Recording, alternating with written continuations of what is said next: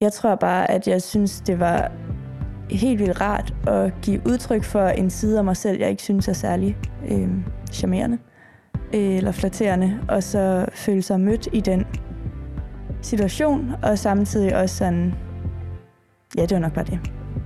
Jeg synes, det var spændende at blive udfordret på, hvordan øh, jeg kan vende min provokation, det at jeg bliver provokeret, til noget godt, en god handlekraft. Jeg synes, at det var rart, at vi kun snakkede om, hvad der provokerede os, men også hvordan det bare er at være den provokerede og forurettet. Øhm, det håber jeg, at der er nogen, der kan identificere sig med. Du lytter til. Set nedefra.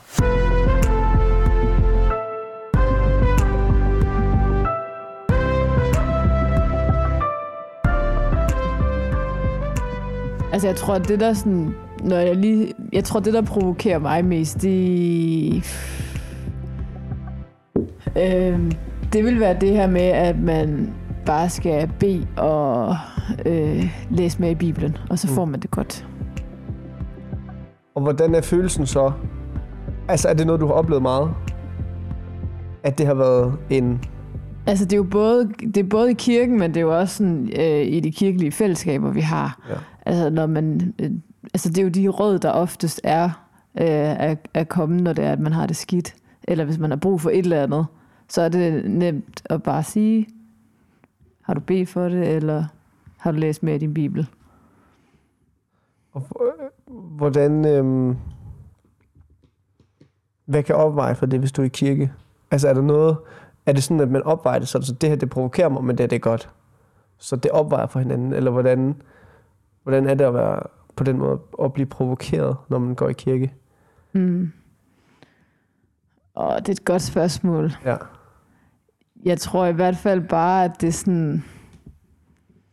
Det er i hvert fald bare provokerende, fordi at det bare er lettere sagt end gjort, og også lidt en følelse af, at det er bare altid det er bare altid det, der er det rigtige, men det er ikke altid det, at det føles som værende det rigtige.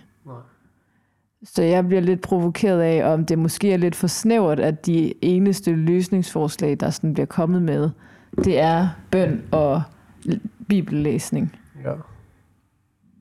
Havde du regnet med, at der ville være ting i, i kirken, der ville provokere dig? Nej, ikke, ikke, ikke at jeg havde tænkt over det. Altså, da du mødte det, var det sådan... Var det okay?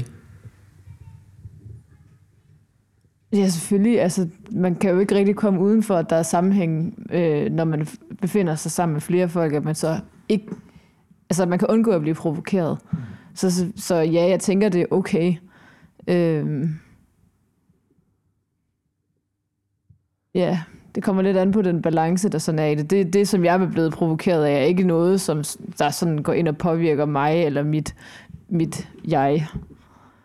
Øh, ikke dit forhold til Gud, for eksempel. Jeg tænker, at der vil, altså, der vil alligevel ske en forandring til, altså, fra da du, før du mødte Gud og til nu. Eller sådan, jeg tænker, der, der, du har jo gjort nogle valg i dit liv i forhold til, som du også tidligere snakkede om. Og jeg tænker, det, kommer det ikke på baggrund af en provokation? Eller er det noget, du sådan er blevet provokeret til? Eller, fordi for mig at se, så, så øh, jeg kan godt blive provokeret af en prædiken for eksempel, eller noget, som mm. bliver sagt. Øh, men oftest er det fordi, at det er noget, som, som rammer måske ind i noget, som, åh, oh, ja, okay, det, det er jo egentlig, det er måske sandt, det du siger. Det, det rammer bare mit, mit stolte jeg, eller sådan. Ja. Øh, Jo, og jo. så er det på en eller anden måde, lige den del er på, på en eller anden måde en, en god provokation, tror Ja, jeg. det kan jeg godt følge dig. Når jeg tænker provokation, så tænker jeg jo det er jo med det samme, at det er negativt, men det er rigtigt, at man kan, jeg kan godt være, altså, der kan godt blive sagt ting i prædikner, som jeg bliver lidt provokeret af, fordi at det rammer det menneske, jeg er, men hvor jeg godt kan se, at det er bedre at være det, som der bliver prædiket over. Mm. Og så er det jo, altså, så kan jeg, altså, så er det jo okay for mig at blive provokeret af det. Ja. Hvis, det hvis det forårsager, at jeg så kan blive et bedre menneske. Ja. Altså oplever I, at det, ø- at det kan ødelægge et eller andet? Altså, det kan være en gudstjeneste, men, eller, eller et møde, eller hvad det nu er, man går til. Det der med at, at støde på en eller anden provokation. Har I, har I oplevet det? Ja, åh, det måske... Jeg tror, det er mest, hvis det har været til... Jeg har oplevet, hvis jeg ikke har... Øh, altså, at, at jeg måske ikke har haft tillid til prædikanten. Mm. Øh, og, mm. og at jeg så er væsentligt mere skeptisk over for det, som du bliver sagt. Og, og hvis der så er noget der, som, som jeg øh, bliver provokeret af, eller sådan, hvor jeg, hvor jeg er lidt i tvivl om, at altså, hvorfor er det, jeg bliver provokeret af det her? Er det, fordi jeg faktisk er uenig med det, der bliver sagt? Ja. Øh, fordi jeg i forvejen måske ikke har tillid til til prædikanten, Mm. øh, så kan jeg godt, altså så kan det virkelig være sådan, så lukker jeg i, for kan jeg godt lukke i for resten, når det bliver sagt. Hvilket er mega ærgerligt på en eller anden måde, hvis det så, altså hvis det rent faktisk er, er noget, som Gud han skal sige til mig i, i det. Øh, at det er bare fordi det, ja, jeg ved ikke, altså det kan være forskellige sammenhænge. Altså, jeg, jeg har lyst til at fortælle... Jeg ved ikke, om jeg har fortalt det i podcasten, men jeg har jo en historie om en klovn og øh, en prædiken. Ja. Og I griner Ja. lidt, fordi nogle af jer har jeg fortalt den før. Men jeg kan lige så godt sige, det var på Å Festival et år, og Å Festival er et mega godt, altså, det er en kæmpe fed festival, øh, hvor der virkelig bliver lavet nogle ting, som man troede var urealistiske. Altså, der, der er virkelig samlet mange kristne om nogle gode ting på Å Festival, men jeg havde bare en rigtig, rigtig øh, øv oplevelse, hvor der kom en pauseklovn ind under en prædiken. Og der blev jeg provokeret af, at åbenbart kan vi unge, altså jeg var en del af målgruppen, åbenbart kan vi ikke holde til en hel prædiken, uden at skulle have en pauseklovn ind. Mm. Og der tror jeg nemlig, det var det der med, jeg kan, nu kan jeg så huske hans prædiken, det er højst sandsynligt nok, fordi jeg blev så provokeret lige efter, han kom med en helt god pointe, fordi ellers så havde jeg måske ikke kunne huske den pointe, så på den måde, så er der måske kommet noget godt ud af noget skidt. Men der, kan jeg bare, der kunne jeg bare, det ødelagde simpelthen det hele for mig. Jeg blev nødt til at gå ud og, og gå hen et sted, hvor man kunne komme med en complain. ja, altså sige, komme med noget konstruktivt feedback. øh, og så sige, øh, ja, sige, det, det kan jeg ikke forstå, det valg er blevet truffet. Hvorfor kan vi ikke, altså, det, det må da, altså, der er rigtig mange nice ting, men det må da være første prioritet, at når prædikanten, øh, eller præsten, fordi det var til sådan en gudstjeneste, det går om søndagen, når præsten står og vil fortælle noget inderligt om Guds ord, som er vigtigt, så tror jeg ikke, vores fokus skal være, at, at folk skal have en pause i deres hoveder, eller sådan. Lige der. Der tror jeg, vi må, der synes jeg, vi skal lægge Guds ord forrest, og så øh, en, altså opmærksomheds, eller hvad kalder man sådan noget, entertainment value, hvad hedder sådan noget, ja. øh, Underholdningsværdi, hvis du vil bare vælge. underholdningsværdien. Ja, det var bare direkte. Ja. Så jeg ved ikke, når det Øhm, findes. Altså det var, i virke, det var i virkeligheden rammerne, der provokerede dig. Jeg blev at provokeret, ja ja, at rammerne skulle, Men vel også valgene. Altså mere det der med at sige, hvad er det, vi er som unge ja, kristne. jo, jo, jeg følte mig jo talt ned til. Ja. Og det tror jeg måske er noget af det, der kan provokere mig. Det er jo sådan ikke at være føle, at altså sådan føle, at der bliver talt ned til mig. Og det kan så være altså det kan være alle mulige grupper, jeg kan tilhøre. Fodboldspillere, unge, mænd. Altså mange kasser, man kan proppe mig ned i, hvor man så kunne tale ned til den gruppe, kan man sige. Hvor jeg så tilhører. Eller være generaliserende omkring den. Og det er jo bare mig som Hmm. mand, kan man sige. øh, hvor jeg kunne forestille mig, at altså sådan, nu, nu har jeg kun været steder, hvor der har været mandlige prædikanter egentlig. Altså i hvert fald hovedsageligt. Altså så der er også bare sandsynlighed for, at de har en eller anden fejlmavn, hvor man må blive provokeret på baggrund af, at man tilhører en eller anden, anden gruppe end prædikanten, som han ikke kan relatere til, og derfor så siger han noget generaliserende. Men, og det kan også godt være, at vi skal komme mere ind på de følelser lidt senere, men jeg tænker mere det her med, altså, er en provokation godt eller skidt? Altså, fordi den provokation, jeg oplevede, den, den satte jo lidt tingene i fokus for mig at sige, altså fordi at jeg kan jo godt lide, at vi, vi kredser lidt om underholdningsværdien Mm. i en kirken, øh, eller i de ting, jeg i hvert fald er med til at lave, at det må gerne være spændende, sjovt, engagerende mm. at være med i kirken. Altså, der må gerne være en fed øh, video, der må gerne være noget god lovsang, og en god mødeleder, der siger noget sjovt for menigheden til at grine og sådan noget der. Men jeg synes bare, at dengang kan jeg bare huske, at det blev sat sådan meget i perspektiv for mig, på grund af den der provokation. At, øh, at sådan, okay, der er en ting, der er vigtigst, og det er, at dem, som forkynder Guds ord, de får den plads og tid, de skal bruge til det. Det er jo lidt interessant om, må, altså, er kirken et sted, hvor der er plads til at nærmest bruge øh, tættere på sandhedens øh, midler? Altså sådan at, for eksempel, det, en, en af de gode argumentationer for provokation er jo, at det sætter mennesker i refleksion på, hvor deres ståsted er. Ja. Det fik du jo lov til dengang. Ja. At sige, jeg er i hvert fald ikke en, hvor når, når sandheden om evangeliet bliver fortalt, har brug for, at der er en klovn, der skal sørge for, at mit attention span Ja. bliver ved med at være til stede. Jeg synes i hvert fald ikke, man skal give præsten øh, lænker på i forhold til det. Nej, og sige, nej. hey, hey, hey, det kan godt være, du er i gang med at forkynde øh, Ja. det evangelie, der kan leve og frelser for døden. Ja. Men vi skal lige sørge for, at der kommer en klovn ind nu her. Ja. Det er den der, jeg synes var mærkelig. Men det er jo så interessant, om, om det er, altså, er kirken et sted, der kan rumme den form for middel? Altså simpelthen ja. bare at kaste så, jeg ved ikke, alt muligt i hovedet på folk. Ja. Altså sådan, øh, koste hvad det vil på en eller anden måde. Mm. Øh, er det et sted, hvor, hvor vi forventer, der skal være flere rammer omkring det, eller må det bare være, vi skal bare skabe en ægte følelse i mennesker? Og håbe, at de så vurderer. Altså det er jo også lidt interessant.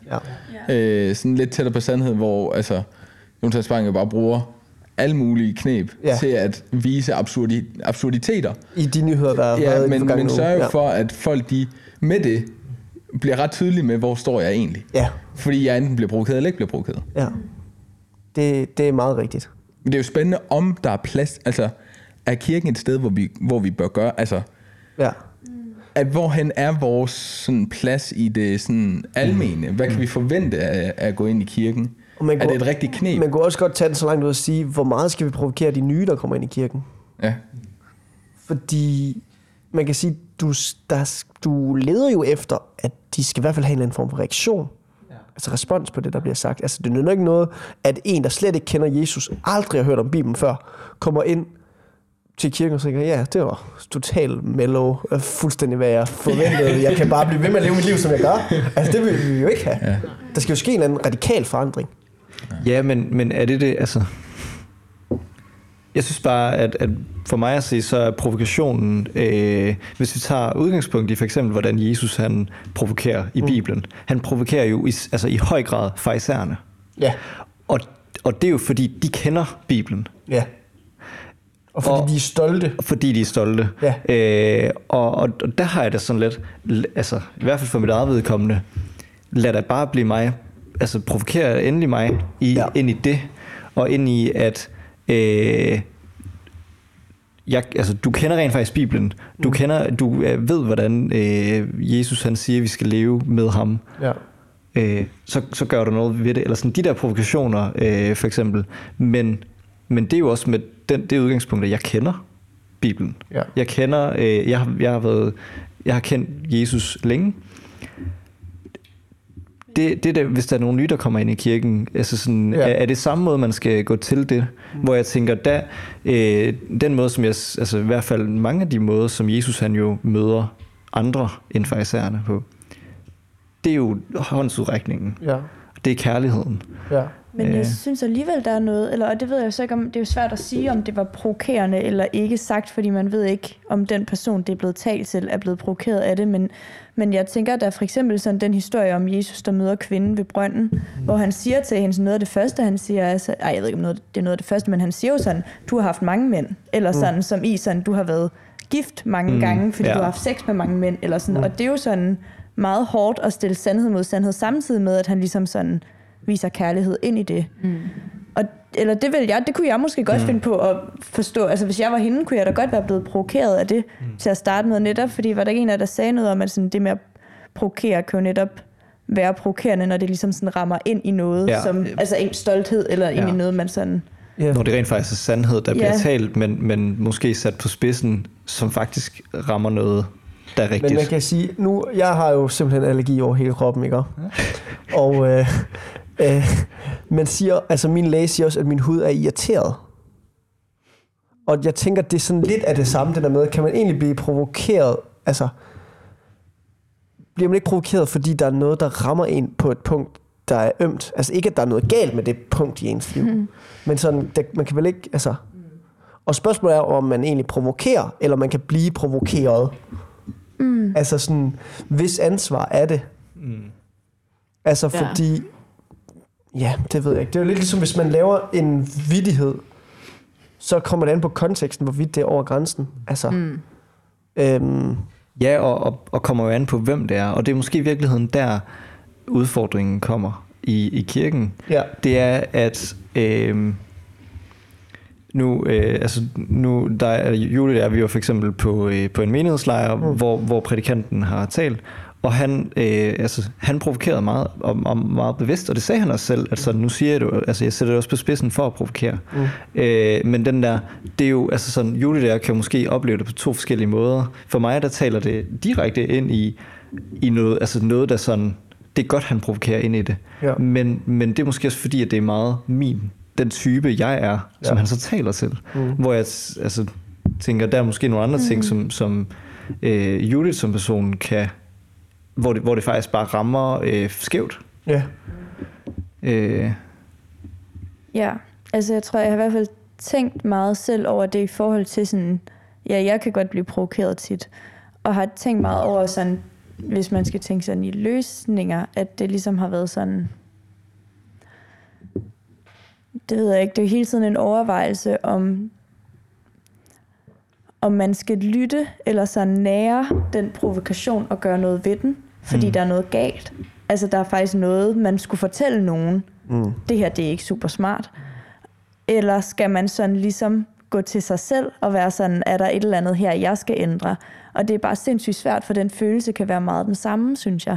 Altså det er den samme følelse af provokation, og sådan, det skal I i hvert fald ikke. Eller sådan, og nogle gange kan det være meget godt, at man bliver provokeret, og andre gange kan der faktisk være noget, der bliver provokeret, uden at det sådan altså hvor det skubber væk. Altså giver det mening, at sådan en provokation kan mm. både sådan sætte nogle rigtig gode tanker og handlinger i gang, mm. men en provokation kan også skubbe en fuldstændig væk. Eller sådan, det Ja. kan virkelig, det kan virkelig sådan nære en følelse af alenethed i mig, og Ja. det kan virkelig sådan... Øhm, Hvordan det? Kan du prøve at uddybe det?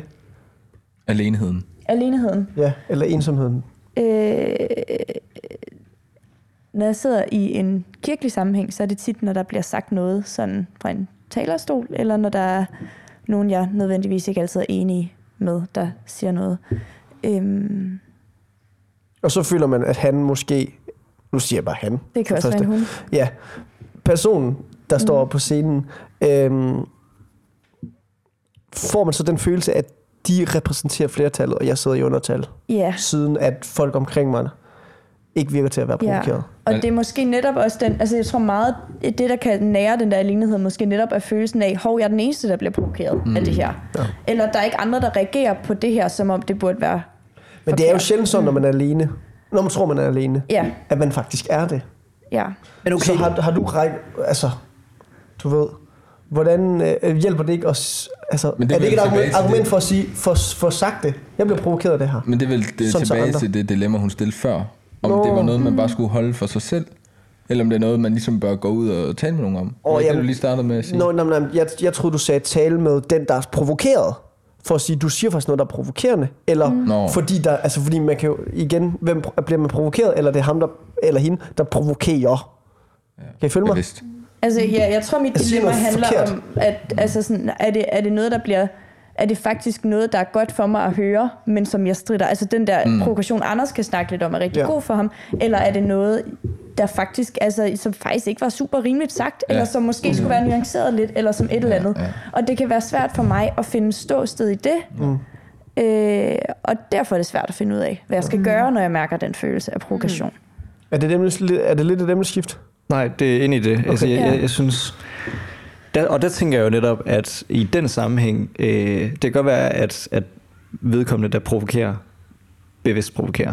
Ja. Men, men altså, vi, må også, vi må også have det udgangspunkt, at vedkommende, der står på talerstolen øh, i den sammenhæng, ønsker at altså, hjælpe os på vej, mm. og, og har de bedste intentioner. Så der tænker jeg også, hvis jeg bliver provokeret og er noget, som, hvor jeg tænker, det er ikke rimeligt. Det her, det er, altså, det er simpelthen, øh, synes jeg, er forkert mm. at, at bruge de formuleringer, eller sætte det på den måde.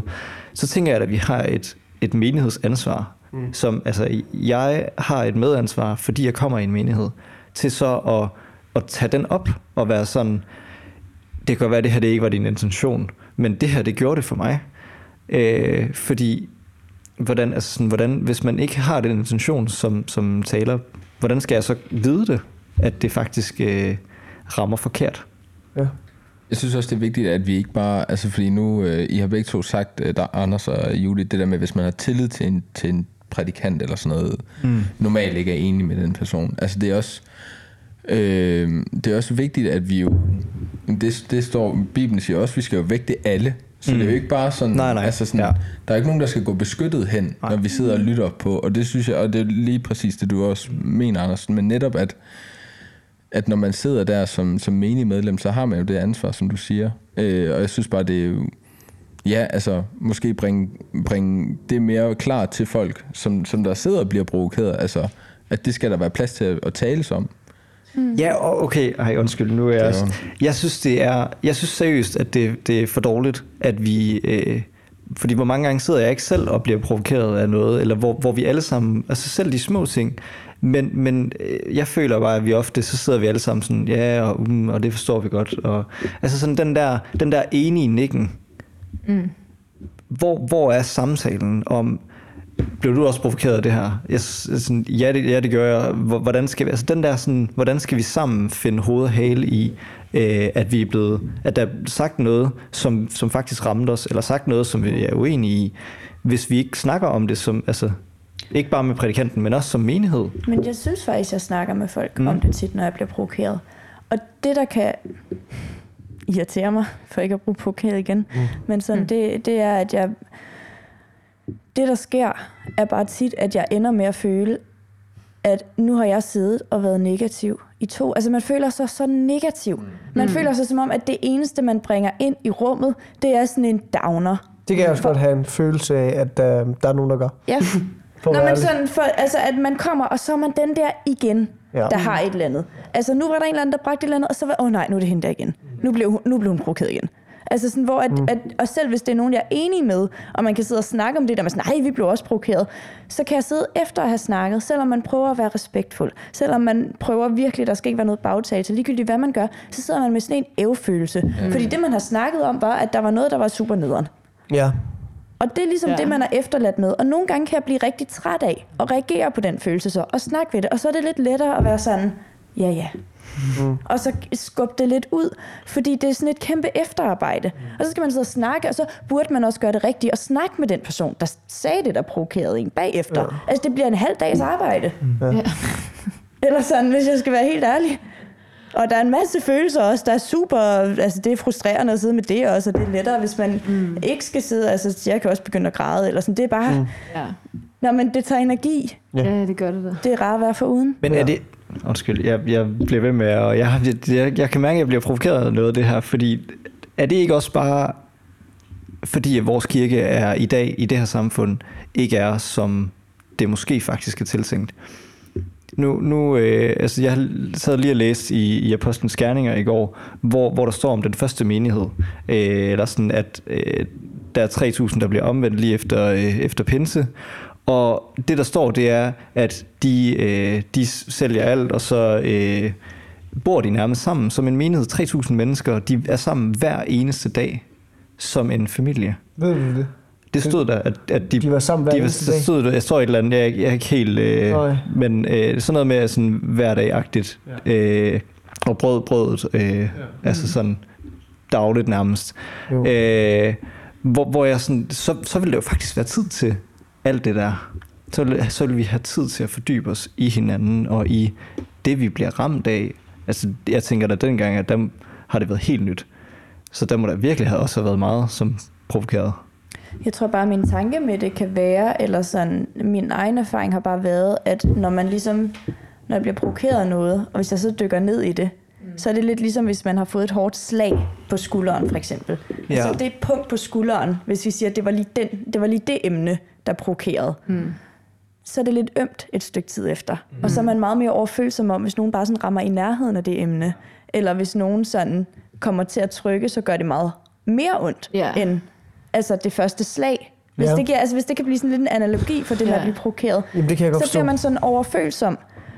Øhm, og ikke, ikke på sådan en det ved jeg ikke, en nederen måde, eller hvad man siger, men på sådan en måde, hvor at der skal bare ikke så meget til, før den følelse kommer op igen. Fordi lige pludselig er der en længere historik af provokation, der ligger bag. Undskyld. Jeg kom Ja. til at gabe. Det var ikke mere. Jamen, jeg tror, altså, jeg tror, jeg har mødt en del, der har det sådan. Altså, og, øh, det der med, at, at, at kirken lige pludselig kan træde i nogle øh, baner, som ikke er tiltænkt at ramme nogle mennesker. Det, det tror jeg også er det, som der er meget gældende for, for de oplevelser. Det er jo ikke nogen, der sådan intentionelt står og siger nogle ting. Men når man ligesom kommer ind i øh, nogle oplevelser, det kan være alt muligt personligt, man kan opleve, som så kan gøre, at kirken bliver det her, den her del, der repræsenterer det. Jeg, jeg har lige snakket med en, hvor hun var, blev den øh, dårlige samvittighed med en af sine veninder, som ligesom begyndte at, og, øh, altså havde nogle problemer med troen. Og så bare det, at hun var til stede i det rum med hende, det provokerede hende bare. Mm. Fordi at hun var ikke, altså øh, hun blev nogle billeder af noget, som hun var ved at gøre op med. Og det er ikke for at sige, at det, at det du siger er, at man tvivler på troen, men du ved, øh, det, jeg tror bare, det kan komme i alle mulige facetter, fordi vi jo, det, nu snakkede vi om, hvordan Jesus han kan provokere folk. Øh, hans arbejder bare i det er jo også, han kender os helt ind til, til ben og knogle. Øh, og det er, jo, det er jo de følelser, og det er det, der er på spil, når vi går i kirke. Det er jo faktisk altså den grundlæggende øh, sådan forståelse af, hvem er vi, og hvad er det, der er sandhed i, i, i verdenen. Og når vi går ind og, og, og er i de, i de spillerum, så er det jo også nogle følelser, der ligesom... Altså, det er det, jeg afspejler mig i, og jeg synes jo også, det, er jo- nu Jesus, han kender os helt til punkt og prikke, og så står der nogle mennesker, mennesker, der står på talerstolen og har mandat, og de siger ting. I, i, hvor nu, og det der, I har nævnt det der med tillid før, altså vi, har, vi håber og har tillid til, at de her mennesker, de vil os det bedste. Ja. Og det, det, det er derfor, vi virkelig må gå i forbind for de her mennesker, fordi de er en repræsentant for noget større, når de står der. Og det er jo virkelig, altså, øh, jeg, jeg har kunnet mærke det dengang, jeg arbejdede, øh, arbejdede, var formand i LMU, hvor jeg har haft nogle forskellige, øh, hvad hedder det, ungdomssekretær, tror jeg det hedder. Ungdomskonsulenter. Konsulenter, lige præcis. Ja. Øhm, og, og der har man bare kunne tydeligt mærke, at de er mennesker, selvom de repræsenterer noget større. Fordi den, den ene, han var, han var øh, hvad hedder det, Faglært landmand. Ja, men det var inden ham, der var så en, der var øh, øh, meget mere akademisk. Ja. Og så bagefter kom der en faglært landmand. Ja. Og de bringer jo noget ind, som lige pludselig kan ændre al dynamikken. Og det er også bare det, der er sådan lidt... Kan du til Gud for, at han tør satse på, at de mennesker, der repræsenterer kirken, repræsenterer dem godt nok? Ja, det kan man sige historisk set jo. Ja, ja. Ja. ja. Og det er, jo, det er jo det, som... Altså, det er jo bare derfor, der virkelig kan ligge grund til provokation ved mange mennesker, fordi det er et menneske, der står der. Ja. Og det er også derfor, når det er kirken, der provokerer, altså... Jeg synes det- altså også, det- der er noget i ja. det, der du siger med, at de står med et mandat. De har deres autoritet. Hvorfor har de det? Det er fordi, Ja. de taler om noget, der er blevet beskrevet i Bibelen. Ja. Og jeg synes, og det er det postulat, jeg synes, der er en sammenhæng mellem, hvor langt, hvor lidt cent- centralt, altså hvor langt væk fra Bibelens centrum, det de snakker om på den talerstol, er, og hvor meget det kan provokere mig. Det vil sige, hvis der bliver snakket om øh, vege- vegetar, og der er en, der snakker om, at Bibelen argumenterer for, at man gerne må spise kød. Det er altså ikke en synd. Den bliver jeg provokeret af. Hvor jeg tænker sådan, hvorfor skal du... Det, har jo ikke, det er jo ikke særlig bibelsk at snakke om, os vi spiser kød eller ej. Altså, det er ikke en central pointe i Bibelen. Hvorfor bruger vi tid på det? Mm. Jeg er også uenig med dig. Jeg synes ikke, det, jeg synes ikke at der er behov for, at du skal stå for talerstolen og bruge tid på at snakke imod vegetarisme. Jeg tror måske, det er en okay god idé at spise mindre kød for klimaet og Ja, ja. Øh, dyrevelfærd og økologi og sådan nogle ting. Øhm, og det er jo så min, det er jo sådan en lidt politisk holdning, jeg kan have. Men bare det, at jeg skal blive konfronteret med den politiske holdning, er jeg faktisk irriteret over i kirken. Hvorfor skal det handle om noget politisk? Og jeg tror også bare, det, det altså sådan, det er måske bare øh, en eller anden sådan fingerregel, det der med, prøv at se, om vi kan holde øh, øh, politik ud af kirken, i hvert fald væk fra øh, prædikanten og talerstolen. Mm. Og fordi jeg synes bare, jo, jo mere jo mere det bliver et politisk emne, som måske er i talsat i Bibelen nogle meget få steder, jo mere gør det ondt. Og jeg synes, jo mindre mandat Mm. synes jeg prædikanten har, fordi der står lidt om det i Bibelen. Ja. Det vil sige, at der er meget mere prædikant, meget mindre Bibel mm. til at, at stille. Hvis vi skal snakke om, hvorvidt at, øh, at øh, det er troen og nåden alene, der frelser os, så har vi super mange sider op og ned i Bibelen, som prædikanten bare kan gå øh, i dybden med. Men hvis det handler om øh, vegetarisme eller ligestilling eller sådan nogle ting der, så er der meget få steder. Og så er, er, altså er der bare lidt spillerum for prædikanten. Ja, lidt spillerum og, og for prædikanten, men også meget lidt spillerum for menigheden at respondere på det, fordi det er en envejskommunikation Ja. ved en prædiken. Og Ja. det, er jo, det er jo der, hvor når, når det er sådan nogle ting, der rent faktisk bør diskuteres. Mm. Jeg tænker, det er helt fint at snakke politik og sådan noget i kirken, men, men ikke, ikke hvor det er en, der står og fortæller, hvordan vi skal, hvilken holdning vi skal have. Nej. Men mindre det, som du siger, at det er nogle centrale ting. Ja. Så synes jeg faktisk, der er en god pointe i, at Ja. ja. Er det ikke også er det, det, du oplever? Kan du genkende den øh, observation? Mm. Ja, jeg kan godt genkende den observation. Det Ja. kan også være i andre. Altså, så nu snakker vi meget om sådan en eller anden, der står på en talerstol. Mm, Mm, jeg kan mm. mm. godt bare blive provokeret af enkeltpersoner, når jeg bare sådan snakker med dem. Det er bare svært at give kirken det ansvar, at ja, der er enkelte ja, personer ja, i kirken, der provokerer, fordi vi må også åbne op for nogen, som er lidt sådan skæve. Altså nogle skæve personer. Nå, jamen, nogle det gange. kan da også være, fordi jeg er skæv, at Ja, ja. det ikke... Ja, det er rigtigt. Men, Mm, men øh, jo, jeg kan godt genkende det. Øh, jeg tror, et af problemerne for mig er, at øh, er, at jeg, jeg er blevet øm over for nogle særlige emner, mm. der gør, at folk skal sige meget lidt i en retning, før jeg ligesom er sådan, åh oh, nej, ikke igen. Mm. Øhm, og det er måske bare min kamp, at jeg er blevet lidt ekstra øm på nogle ting, og det må mm. jeg gå med i lang tid, og det er godt, at jeg har sådan nogen som jer, der engang imellem også kan være sådan, ej Judith, du ikke, det behøver du heller ikke stille spørgsmålstegn ved, eller sådan, men øhm, Men det er også, Men- det er også svært faktisk, fordi øh, jeg- altså, jeg kan da huske sådan i vores helt tidlige, øh, at vi optager, har jeg da altså sådan, for jeg kan godt lide at provokere på, på også sådan en lidt venskabelig måde ind i sådan nogle emner, også for at få den gode snak op og køre. Øh, og, og sådan, det har jeg da også ramt mig på, at, at jeg for eksempel over for dig, Judith, er, har taget nogle ting op, som, som jeg bare ikke vidste nok om, men som måske egentlig øh, var sådan en, jeg har lyst til at vide mere, men jeg kunne ikke finde ud af at, at mm. sætte, dig, sætte dig i den rigtige position til at, fortælle noget om det. ja. Og den der sådan, hvis vi ikke kender hinanden så godt, så er det også svært faktisk at øh, undgå de der sådan øh, unødige eller sådan provokationer. ja. Giver det mening? Hvordan har, I, hvordan har I brug for, at folk er over for, at når I bliver provokeret? Mm, altså det jeg jo er rigtig dårlig til, det er Ja. at tage fat i folk, Ja. når det er nogen, der har talt. Og sige, det, det synes jeg faktisk var, øh, det provokerede mig. Tag fat i dem, der har sagt det. Ja. Ja. Og øh, ja, altså ikke andre, men ligesom tage fat i dem. Og en af, en af grundene er, at jeg kan faktisk nogle gange få sådan lidt ondt af dem. På sådan en, når man, når man jeg kan blive sådan, de har virkelig gjort sig umage med det, de står og taler om. Ja. Og så kommer jeg her, og så sønder kritiserer jeg det, de har sagt. Mm. Okay, ja. Ja, det, du sagde mig ikke, at det var det, du ville gøre til dem. Altså, det kunne også, da, da, jeg, da jeg hørte det, så kunne det også være sådan, åh, oh, lige næste gang, hvis du lige kunne omformulere det her lille ord. Men Ja. det, du sagde, det var så, det, det var det, jeg troede, du ville sige. Og så Ja. sagde du så, så sønder gennem øh, kritiserer okay. Hele det, det, det- de står for. Ja, det ved jeg heller ikke, om jeg gør, men du ved, Nej. den der følelse af, jeg tror, jeg er meget høflig. Ja. Oftest, men, men, Det er det.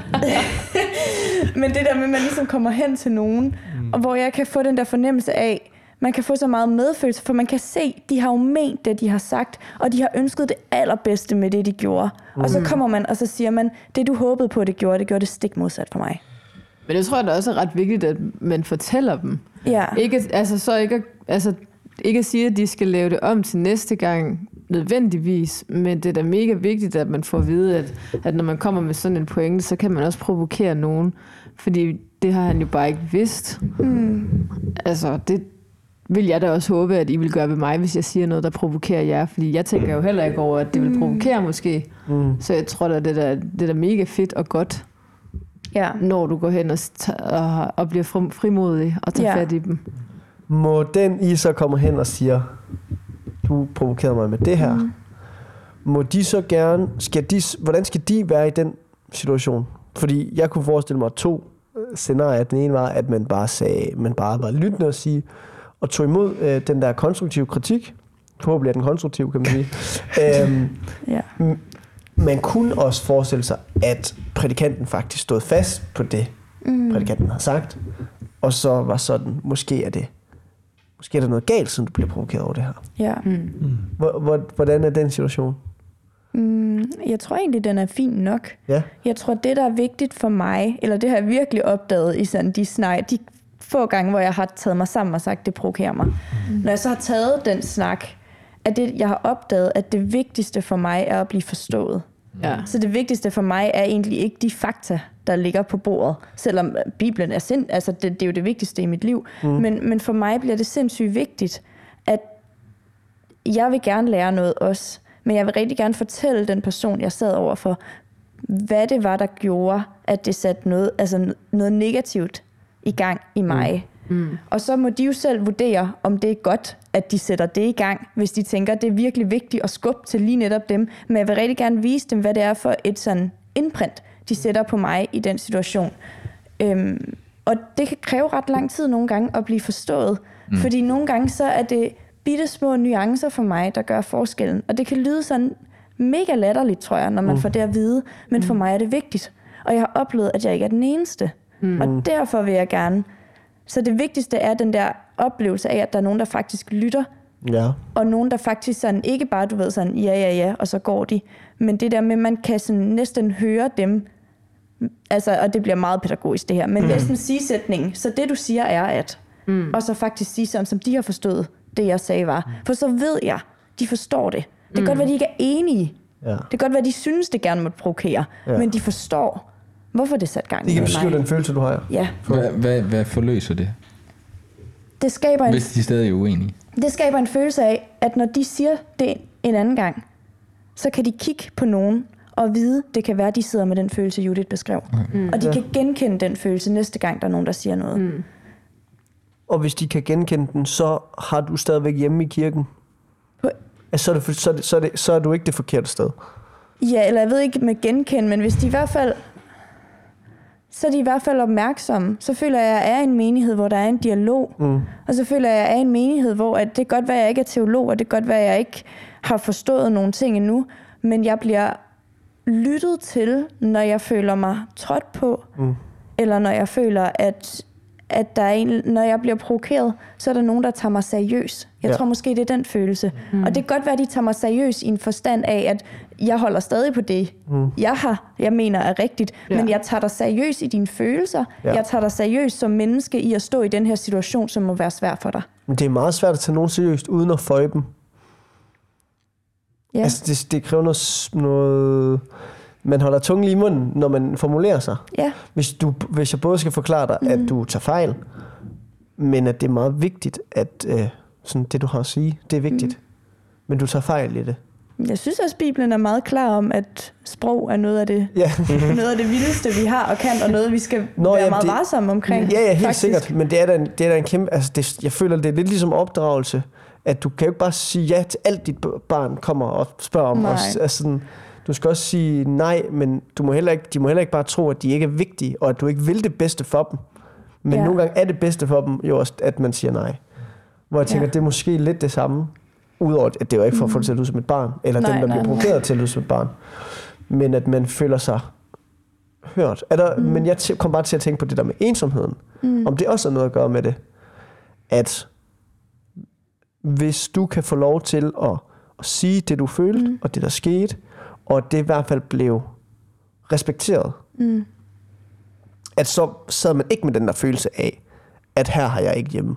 Ja. Altså, for jeg tror, hvis, hvis man bliver provokeret hver søndag, mm. hele tiden, så er der jo på et eller andet tidspunkt, man skal finde ud af, jamen, er jeg overhovedet i den rigtige menighed? Mm. Altså, hvis det er hver søndag, du vil noget andet. Og det har man da hørt om menigheder, der må sige, jeg tror faktisk ikke, at du er det rigtige sted. Ja. Altså, fordi du gør os ked af det, og vi gør dig ked af det hele tiden. Mm. Fordi vi ser øh, anderledes. Det kan godt være, at vi godt kan forstå, hvorfor du ser på det sådan her. Men vi bliver nødt til at holde fast i, hvad vi mener. Ja. Og der, der er jo en eller, anden, der er en eller anden balance et eller andet sted der, eller en eller anden grænse Ja. for, hvor meget skal man egentlig blive provokeret. Ja. Altså hvis, hvis man kom i vores kirke og havde en eller anden fast overbevisning om, at alle, altså at man skulle døbes igen som voksen, mm. for at have en rigtig tro. Hvis nu havde den overbevisning, og det er der jo nogen, der har, øh, kunne man så, altså du ved, hvor lang tid vil der så gå, før man siger, at I, I bliver nødt til at blive døbt alle sammen en gang til, som et eksempel. Mm. Øhm, hvor jeg tænker sådan, det, det, det føler jeg bare, det er den anden side af det der spektrum af at være, blive provokeret i kirken. Ja. Jeg er lidt nysgerrig på, hvad gør det egentlig for din tro? Altså nu Ja. siger du, at du øh, ofte, eller af og til, bliver provokeret, Ja. og ikke så ofte tager fat i personen. Mm. Hvad gør det? Altså fordi jeg tænker, der må da også være anden, øh, anden sådan lidt med noget indebrændenhed på nogle punkter, og har det nogle konsekvenser for dit trosliv? Jeg synes, det har, det, at det, der kan få mig til at tvivle allermest, mm. ikke på om Bibelen er sand, men på om, om jeg har misforstået alt. Mm. Mm. Okay. Eller sådan, Misforstået måske alt, ikke det, for, alt, det forstår jeg ikke lige. men sådan om jeg, om jeg, om, om jeg har et billede af Gud, der ikke er rigtigt. Eller om jeg går og laver min egen Gud. Øhm, og jeg tror bare, at det kan være... Det rammer jo ens tro, når det er i kirken, og det er måske derfor, at det er det emne, jeg gerne vil snakke om, for jeg kan blive voldsomt provokeret af rigtig mange ting, der overhovedet ikke er relateret til noget, altså noget med min tro. Mm. Øhm, og det er egentlig også meget rart at mærke en gang imellem, at det overhovedet ikke er kirken specifikt, der provokerer mig. Mm. Øhm, men det gør særligt ondt, når det er kirken, og det gør særligt, særligt ondt, når det er sagt fra en talerstol, fordi de jo netop er dem, der forkynder Guds ord for mig. Så hvis man bliver provokeret der, eller når jeg bliver provokeret der, så kan jeg sidde og få sådan en følelse af, at øh, en følelse af sådan lidt at betvivle, hvorfor, hvorfor bliver jeg provokeret? Altså den der sådan, uh, er det et eller andet, jeg skal gå ind og ændre på, men jeg kan mærke, at alt i mig strider imod. Mm. Og nogle gange tror jeg på en sund måde strider imod.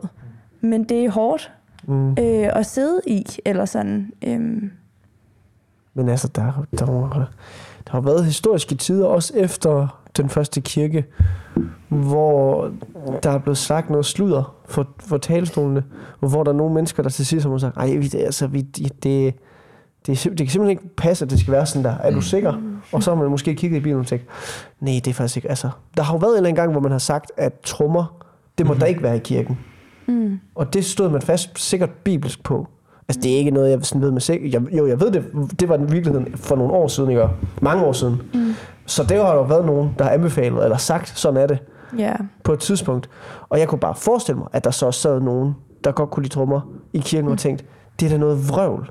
Det er alt vrid. Altså, hvorfor, hvorfor, det må da være, fordi du ikke kan lide trommer. Hvorfor har du lov til at stå og sige det? Det er da forkert. Du kan da ikke bare stå deroppe og sige noget, der er forkert. Og så starter der jo bare en lang tankerække, hvor man må tvivle. Også på det der med, når det er på talerstolen, så er det også lidt det, man bygger sin tro på. Mm. På en eller anden måde. Det er jo de ord, der kommer deroppe fra. ja. Og det er også hårdt. Er, er, det, altså, er, det, er det mere sådan de der omkringliggende øh, ting, øh, som for eksempel trommer i kirken? Altså sådan, det, er jo- det er jo ikke noget, som har med det centrale i Bibelen at gøre. Men, altså, er, det, er det også omkring nogle af de helt centrale ting, som du ofte bliver provokeret af i forhold til det, der bliver sagt? Jeg tror, jeg bliver meget provokeret af en bestemt retorik. Ja, og ikke så meget af en bestemt... Altså, det er sjældent, at det konkret er ordene. Mm. Og hvis det konkret er ordene, så er det næsten altid noget med kvinder. Øh, mm. Og det er, jo, det er jo fordi, jeg er øm der, tror mm. jeg. Mm. Og det synes jeg, jeg har ret til at... Eller jeg synes, der, gi- det giver mening, at jeg er øm der efterhånden. Ja. Øhm, men Det kan også have noget at gøre med det, jeg sagde. Der, i, jeg sagde det på et eller andet tidspunkt nu her. At det kan også være, fordi det, at du hører flest mænd prædik. ja, At, at det så er... Altså, det kan også være, at der er noget galt med deres retorik. Ja sige. men, men det er netop, altså for mig at se, er det jo, er det jo relevant, hvis man, hvis man bliver ofte provokeret, mm. så er det jo relevant at se på, altså er det, er det simpelthen øh, Ja. fordi, at der er noget i den her menighed, som, som jeg er dybt uenig i, eller er det, er det mere de menneskelige mm. ting, ja. øh, de menneskelige sider af det.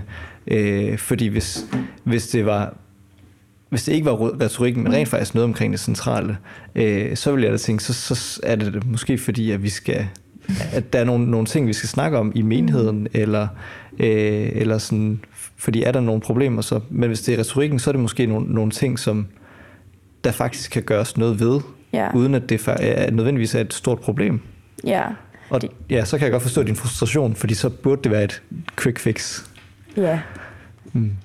Ja, og, det- og jeg tror, at det er jo ikke... Det er jo ikke jeg, jeg tager det jo seriøst, hver gang jeg bliver provokeret. Jeg har Mhm. heldigvis altså, rigtig gode mennesker omkring mig, Mm. der meget gerne vil snakke med mig om de ting. Mm. Øh, og er altså mega privilegeret og kan gå op med en bibel til folk, der også har forstand på det, og spørge om det. Eller sådan. Så det er ikke, fordi jeg ikke kan sådan finde svar.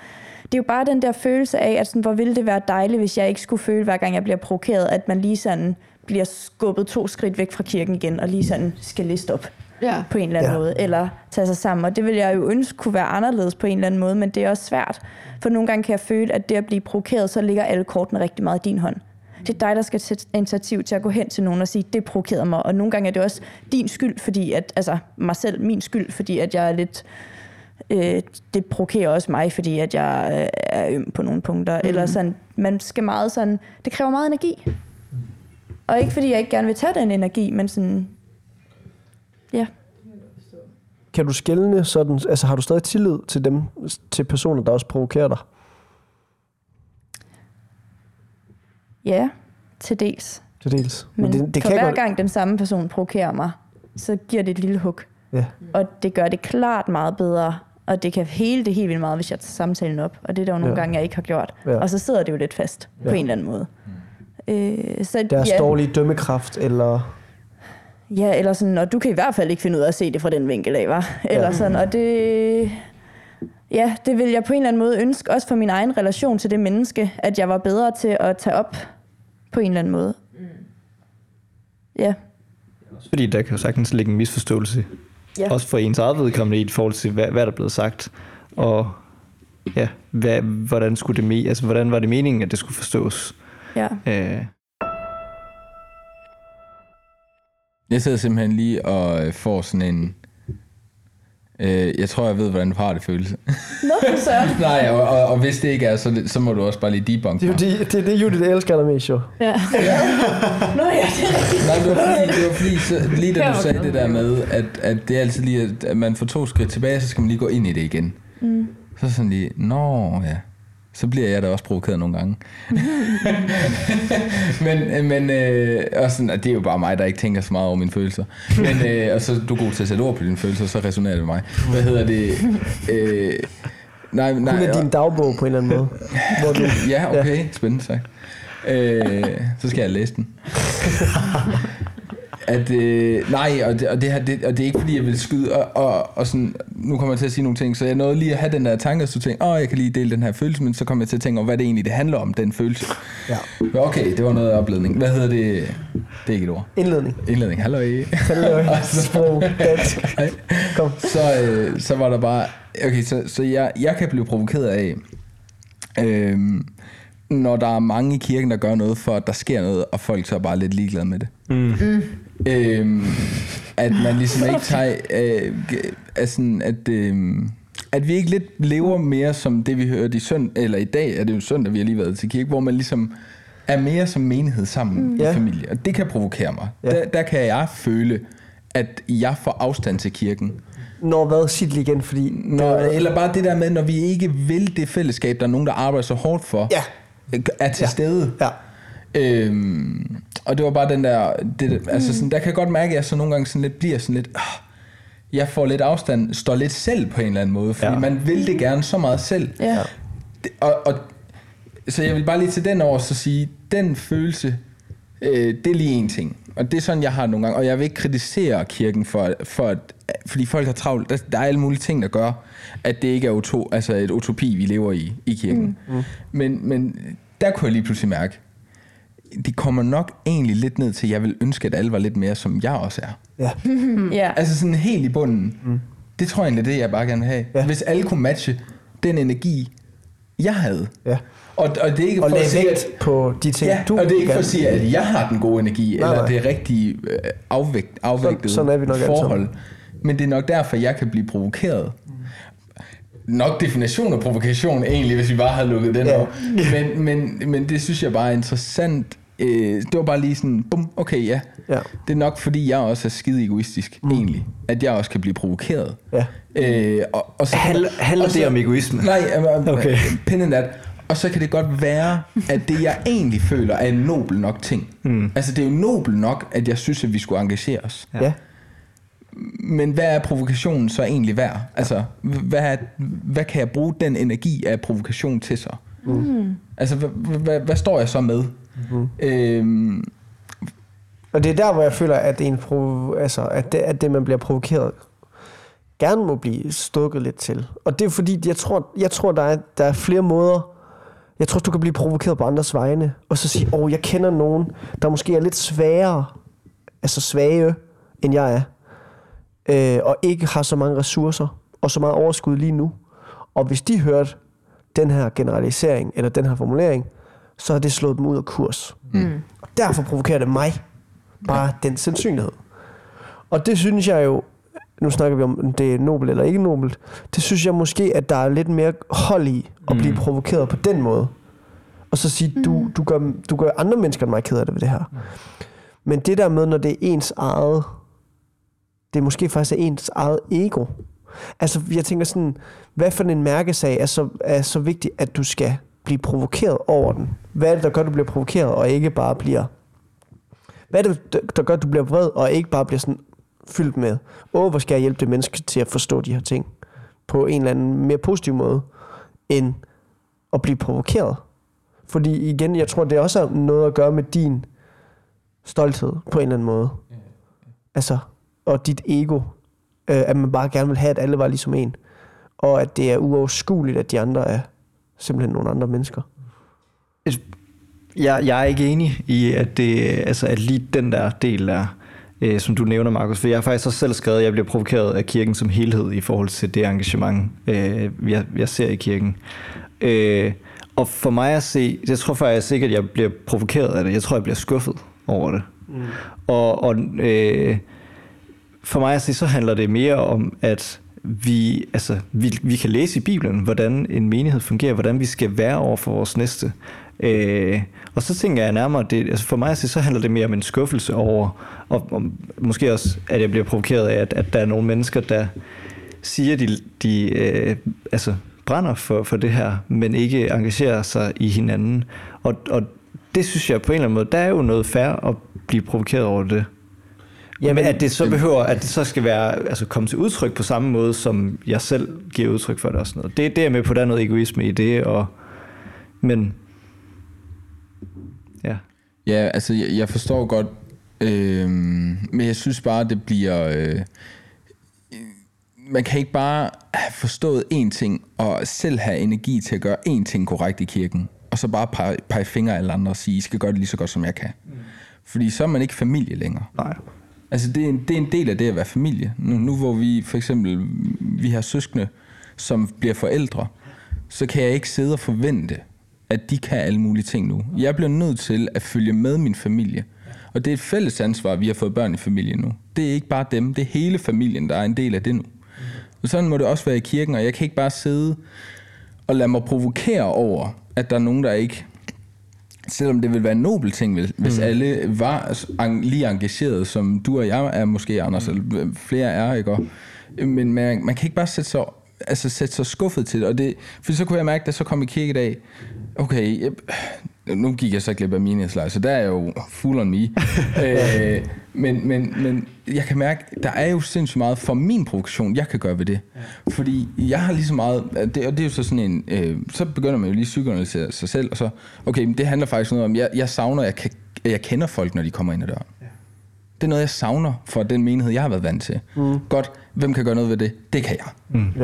Jeg ja. kan bare begynde at sige hej til folk. Ja. Det gør jeg så i dag. Ja. Det hilste jeg på nogen, jeg ikke havde mødt før. Ja. Simple. Men altså, er der ikke... Nej, undskyld, jeg tænker bare sådan... Der får du netop vendt en provokation rundt til, at det gør noget godt. Ja. Og ja. Jo, jo, altså, det hvis du vender sige, den ja. rundt sådan, og så tænker, der er noget kraft i det at blive provokeret. Mm. Provokation er i hvert fald for mig, og det er nok sådan, jeg er skruet sammen tit, øh, sådan øh, meget, meget godt forbundet med vrede. Mm. Der skal ikke så meget til, før de to blander sig sammen. Nej. Og vrede er en ekstremt kraftfuld følelse. Ja, Og der er faktisk kraft i det, Ja. ja. så man kan gøre noget med den. lige præcis. Altså godt eller dårligt, ikke? Men, men man kan faktisk, vrede kan faktisk være en god følelse på rigtig, altså det kan gøre rigtig meget godt.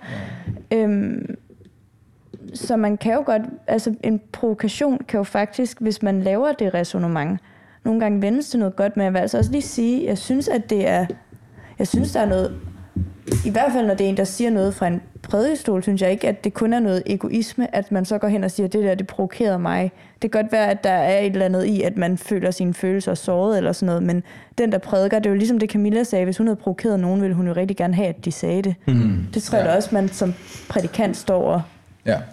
Ja, ja. ja, jeg tænkte det med egoisme var lidt mere, når jeg sådan spejler mig i et forhold til et, et læme, der øh, agerer. Giver det mening? Altså når jeg kigger på, Et andet menneske. på et andet menneske, som jeg lidt føler, at jeg gør, når jeg spejler mig Ja. med, Ja. med, med folkene i kirken. Det var lidt Ja, mere den. okay, okay. Der, der, der tror jeg, jeg bliver provokeret, for jeg vil ønske, de var ligesom mig. Mm. Hvor det, den, det, det er ikke det samme forventning, jeg har til prædikanten. Lige for mig, fordi jeg ved, han, han skal Ja. ja. sige ting, som jeg ikke forstår. Som, jeg, mm. som ikke er det, der kommer herindfra. Den har jeg luret.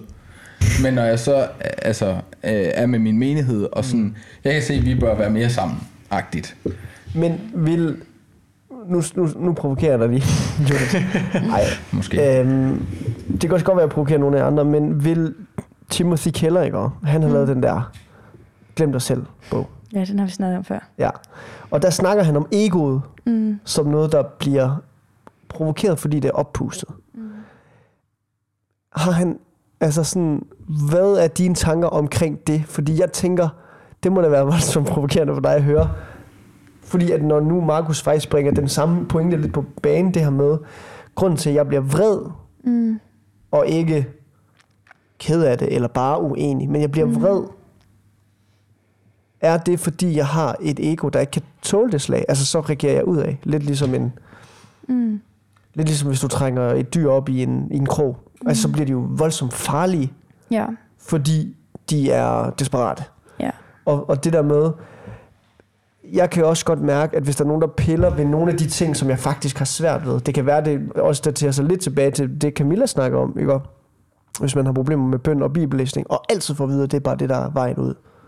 Altså sådan, bliver vi provokeret, fordi vi er grundlæggende for stolte. Bare det, vi bliver vrede. Mm. Jeg kan, det er noget, jeg tit tænker selv Ja, om mig selv. ja. Og det er noget, jeg virkelig prøver sådan at have med, fordi jeg tror, jeg er en af dem, der er, til, der er i fare for at være sådan en, der altid finder noget forkert i det, der bliver sagt. Mm. Og, øh, og, og at folk altid kan trykke på de røde knapper, eller hvad man siger, mm. hos mig. Øhm, så det er noget, jeg overvejer rigtig meget, særligt inden for nogle emner. Mm. Men jeg synes også, altså... Øh, Jesus bliver på et tidspunkt provokeret, eller han bliver i hvert fald meget vred på tempelpladsen. Mm. Øh, og altså sådan et altså full-on raseriudbrud mm. med at kaste med ting og sådan noget, ikke? Øh, tror jeg, eller han vælter nogle Vælter bord og sådan noget, ikke? Øhm, og, og der tror jeg bare nogle gange, jeg har tænkt, at sådan, det er jo... Nogle gange er det også godt, at man reagerer på noget, der ikke er rigtigt. Mm. Øh, Det er uretfærdigt. Ure- uretfærdighed for eksempel. uretfærdighed for eksempel, men øh, men jeg tror også måske, eller sådan, og det kan, jo, det kan jo rigtig tit ærgerligt nok falde på en person, der står som prædikant eller sådan, og det, er, det må være et sindssygt hårdt job, mm-hmm. fordi man står jo ikke bare med et ansvar, ligesom i en hver anden lederstilling, man står med Mhm. på en eller anden måde Ja, det er ikke noget, et job. noget fuldstændig sandhed, mm. Ja. man skal formulere, ikke? Ja. Øhm, og derfor går det nok også tit ud over dem, når man ligesom snakker om det, så det er ikke for at lave sådan en kritik af det, men, sådan, men øhm, De har også et særligt ansvar. de har et særligt Så det, ansvar. ja. Øh, og, og det tror jeg bare sådan, nogle gange tænker jeg også, vi som menigheder, vi som kristne, vi er jo også sådan, vi skal jo også hjælpe hinanden på en eller anden måde. Og noget af det, vi kan hjælpe hinanden med, det er, hvis vi kan se nuancer, og der må man virkelig sådan, det der, når man beder, rensag mig Gud og kend mit indre, eller Ja. sådan, er der en... Se efter, om jeg følger Augusts vej. Ja, lige netop. Det er jo en helt vildt god bøn, når man bliver provokeret faktisk, eller det er ikke tænkt over før, mm. men det er en vildt god bøn i at se indad og se, hvad er det, der er årsagen til det her. Og så faktisk, hvis man tænker, der er måske ikke så meget stolthed i det, og der er måske faktisk noget meget reelt i, at du sårer mig simpelthen. Mm. Mm. Det gør ondt, Og jeg vil gerne hen og sige det til min næste, for at min relation til min næste Mm. kan forblive god, Ja. Ja. Hvis det giver mening. Jeg synes, det er super god mening. Det er jo i, i bund og grund i kærlighed til, fordi man vil det andet menneske. Og, Ja, ja. og fordi man, man vil, at den menighed, man er i, det er en, der bliver ved med at søge Guds sandhed. Jeg tror da også, en præst hellere vil have en menighed, der var fyldt med folk, der gad at sige noget, end folk, der bare var ligeglade og bare Ja. lyttede. Altså, Ja. Ja. så kan de jo bare få lov til at spænde off i en eller anden... Altså, de kan jo også blive blinde. ja, det er de også bange for. Jamen, det er jo Ja. det. Så hvis de kan have nogen, der kan være lidt oversensitive og sige alt, hvad de føler. Ja. Nå, okay, hun lytter ikke efter. Nej, sorry. Jo, jeg lytter, jeg Nej, det Nå, bare... fordi kan da oversensitiv. Det var en lille stik pille. Det var en Jeg joke. troede, du sagde det til andre. Nå. Ja, det er rigtigt, det gjorde Det, vi kigger altså over på dig, for at se, at du reagerede på det. For, fordi jeg tænkte, Fordi du sagde han lige det om dig, tror jeg. Men Men det var ment i lidt øh, Sjov. sjov. nogen, som er... Jamen, Sensitiv der er nogen, i der har kontakt med følelse, som jeg Ja. ja. ikke er. Altså, som så kan sige, hej, det her provokerer fedt, så kan man da ændre. Altså, jeg tror bare ikke, at det er... Du er bare en f- tom tube, der bare... Det Jamen, jeg tror bare, at, at præster er mere, altså, mere glade for, for dit output. Altså, at der er nogen i menigheden, der føler noget. For ellers så er der bare tomme, altså, så er der for tomme ører, vi står og snakker. Jeg tror også, at når jeg sådan sidder og hører på de ting, I sådan har at sige, så bliver jeg også lidt usikker på, om, øh, om at jeg har, altså der, er- der er få ting, der sådan provokerer mig sådan i, i, ved en gudstjeneste. Er det så fordi, at jeg ikke reflekterer nok, eller er det Mm. fordi, at jeg ikke har nogen holdninger? Og jeg, altså, jeg vil bare, jeg suger bare til mig og, og, og stoler på det blindt. Mm. Øh, at var- det er sandt, at det der... Var det ikke sidste afsnit i sidste sæson, hvor du blev rimelig provokeret af, du ved, øh, vores, den der retrætetur, at alle folk bare kunne sætte sig ned og være stille? Jo, det er Og rigtigt. det var jo nok kirken. Det er, ri- der det er fuldstændig rigtigt. Ja. Der har været den ene ting. Men jeg vil også sige, altså, den, den ene følelse, der kommer op i mig, det er den her lidt en usikkerhed på mig selv, Ja. ja. med Mm. at, altså, skal jeg lige sådan tænke lidt mere, eller skal jeg bare Ja. ja. blive ved med at suge til mig, øh, uden sådan at have noget filter over hovedet, som, som du har, Judith. Mm.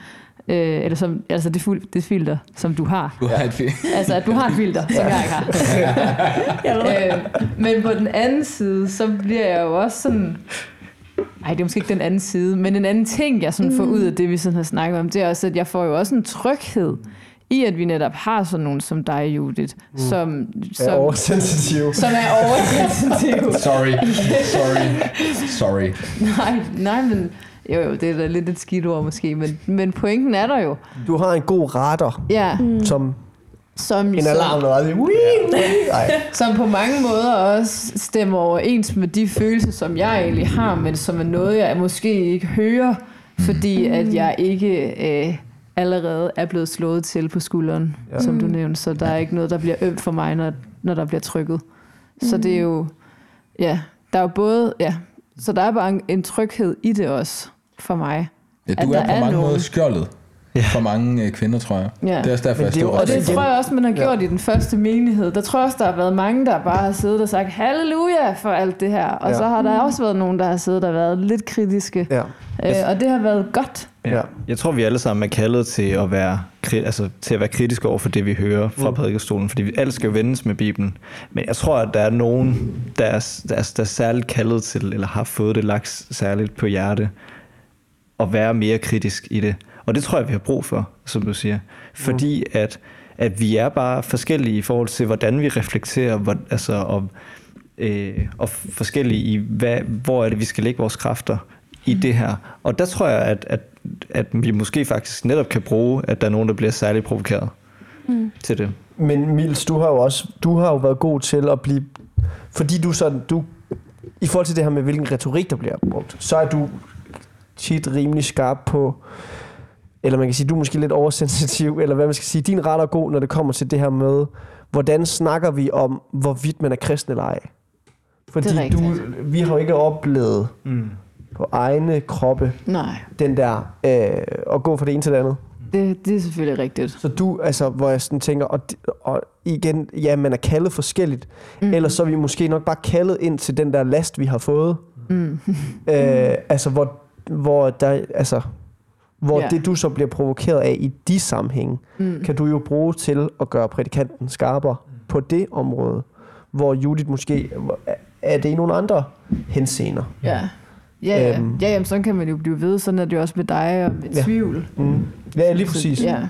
Men det er måske også, at jeg tror også, grunden til, at det ligesom har været svært for mig, meget af det her, er egentlig også, at, at det ligesom at skulle komme med noget kritik til nogen, eller ligesom sådan sige et eller andet, der er gået ind på, det er en, øh, det er en opgave, hvor det kan godt være, at det i sidste ende er godt, mm. men det, man sidder og føler, man gør, det er noget super nederen. Ja. Hvor at jeg nogle gange, jeg kan blive meget misundelig på, og jeg kan også virkelig sådan, jeg har virkelig de sidste, det sidste års tid fået øjnene op for sådan de mennesker, der kan øhm, encourage, ja. øh, og de mennesker, der kan løfte op, mm. og de mennesker, der kan hæppe, også på noget, der er ufuldkommen, for det er vi alle sammen, så alt det, vi har gang i, er ikke godt. Eller sådan, det er på nogle punkter måske godt, men alt er ikke er godt, og man kan perfekt. kritisere alt. Mm.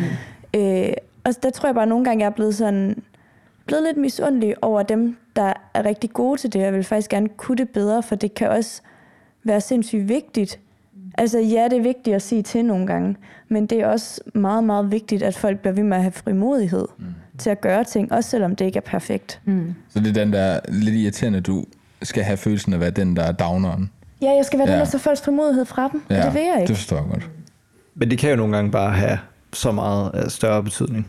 Og det, det er at man bare, altså, det er en Det lille ikke ting. deres formodighed. Det har vel ikke større betydning, end at hvis man piller formodigheden fra dem, så skal man måske lade være. Nå, ja, helt klart. Ja. Ja. Ja, ja. Men, men bare altså for eksempel sådan nogle små ting, som nu nævnte du Camilla i forhold til øh, de ting, du har kommenteret. Jeg kan huske, du i starten kommenterede det med, hvad vi brugte ikke-kristne.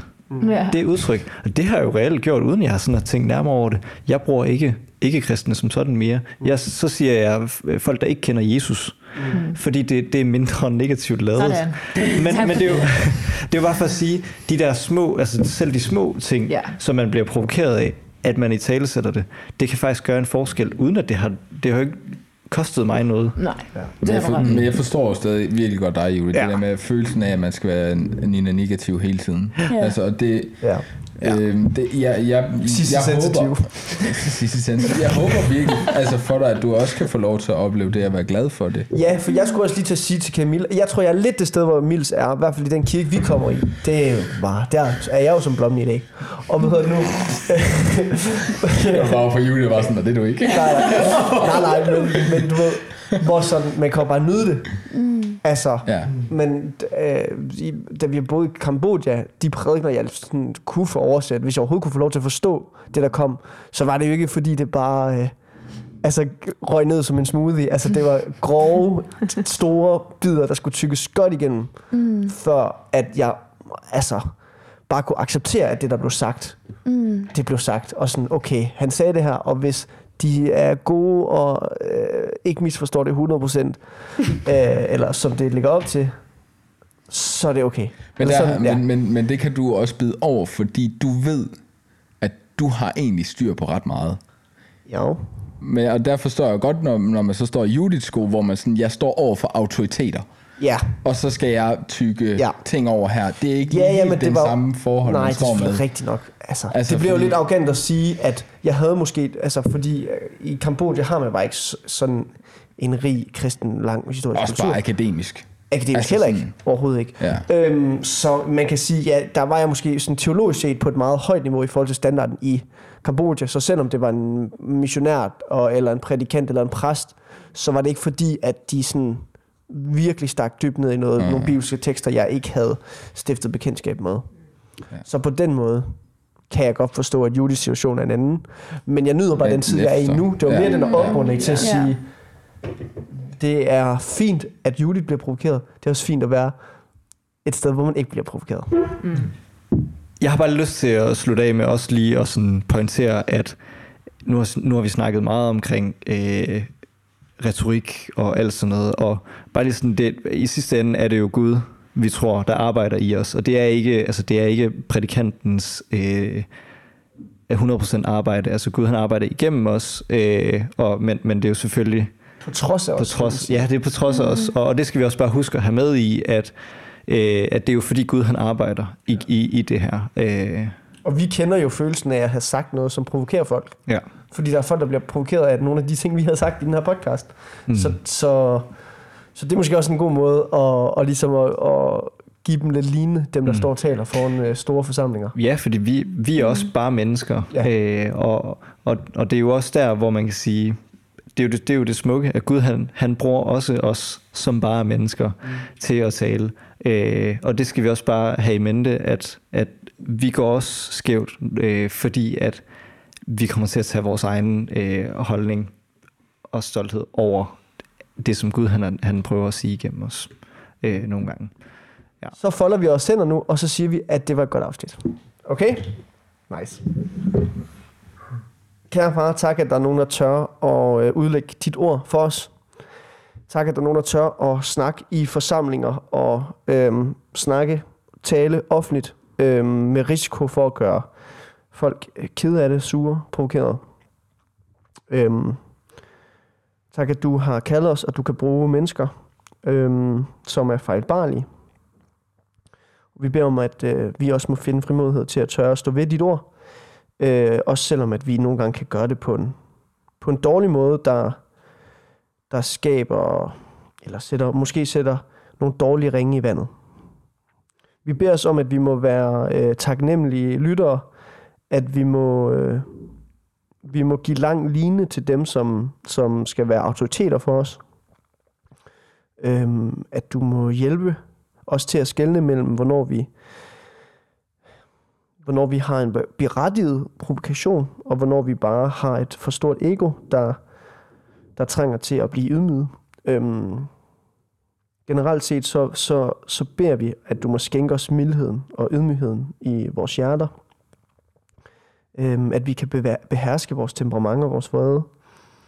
Men øhm, vi vil også gerne øhm, ændre de ting, som står skidt til, ændre de ting, som sårer os og provokerer os til det bedre. Vi tror også på, at når vi går i dialog med hinanden, så lærer vi hinanden bedre at kende, og vi tror faktisk, at vi er kaldet til det som menighed. Så vi beder os om, at du må give os integritet til at gøre det. Øhm, og at vi igennem det hele må følge, eller må føle, at du kalder os, og at vi, vi går på din vilje og på din vej i de her ting. Det vigtigste er, at du du kalder os ind i det forhold, fra at vi har, vi har fred med dig, og vi er dine børn. Og at alt det her, det kommer, kommer efter det. Øhm. Og på den måde, så, så må du bare fastholde os i troen på dig, og give vores hjerte sådan en smag på dig, at, at, at vi ikke vil miste dig. Velsign du det i vores hjerter, og i kirken, og i, i Danmark, og hos øh, alle kristne i, i hele verden.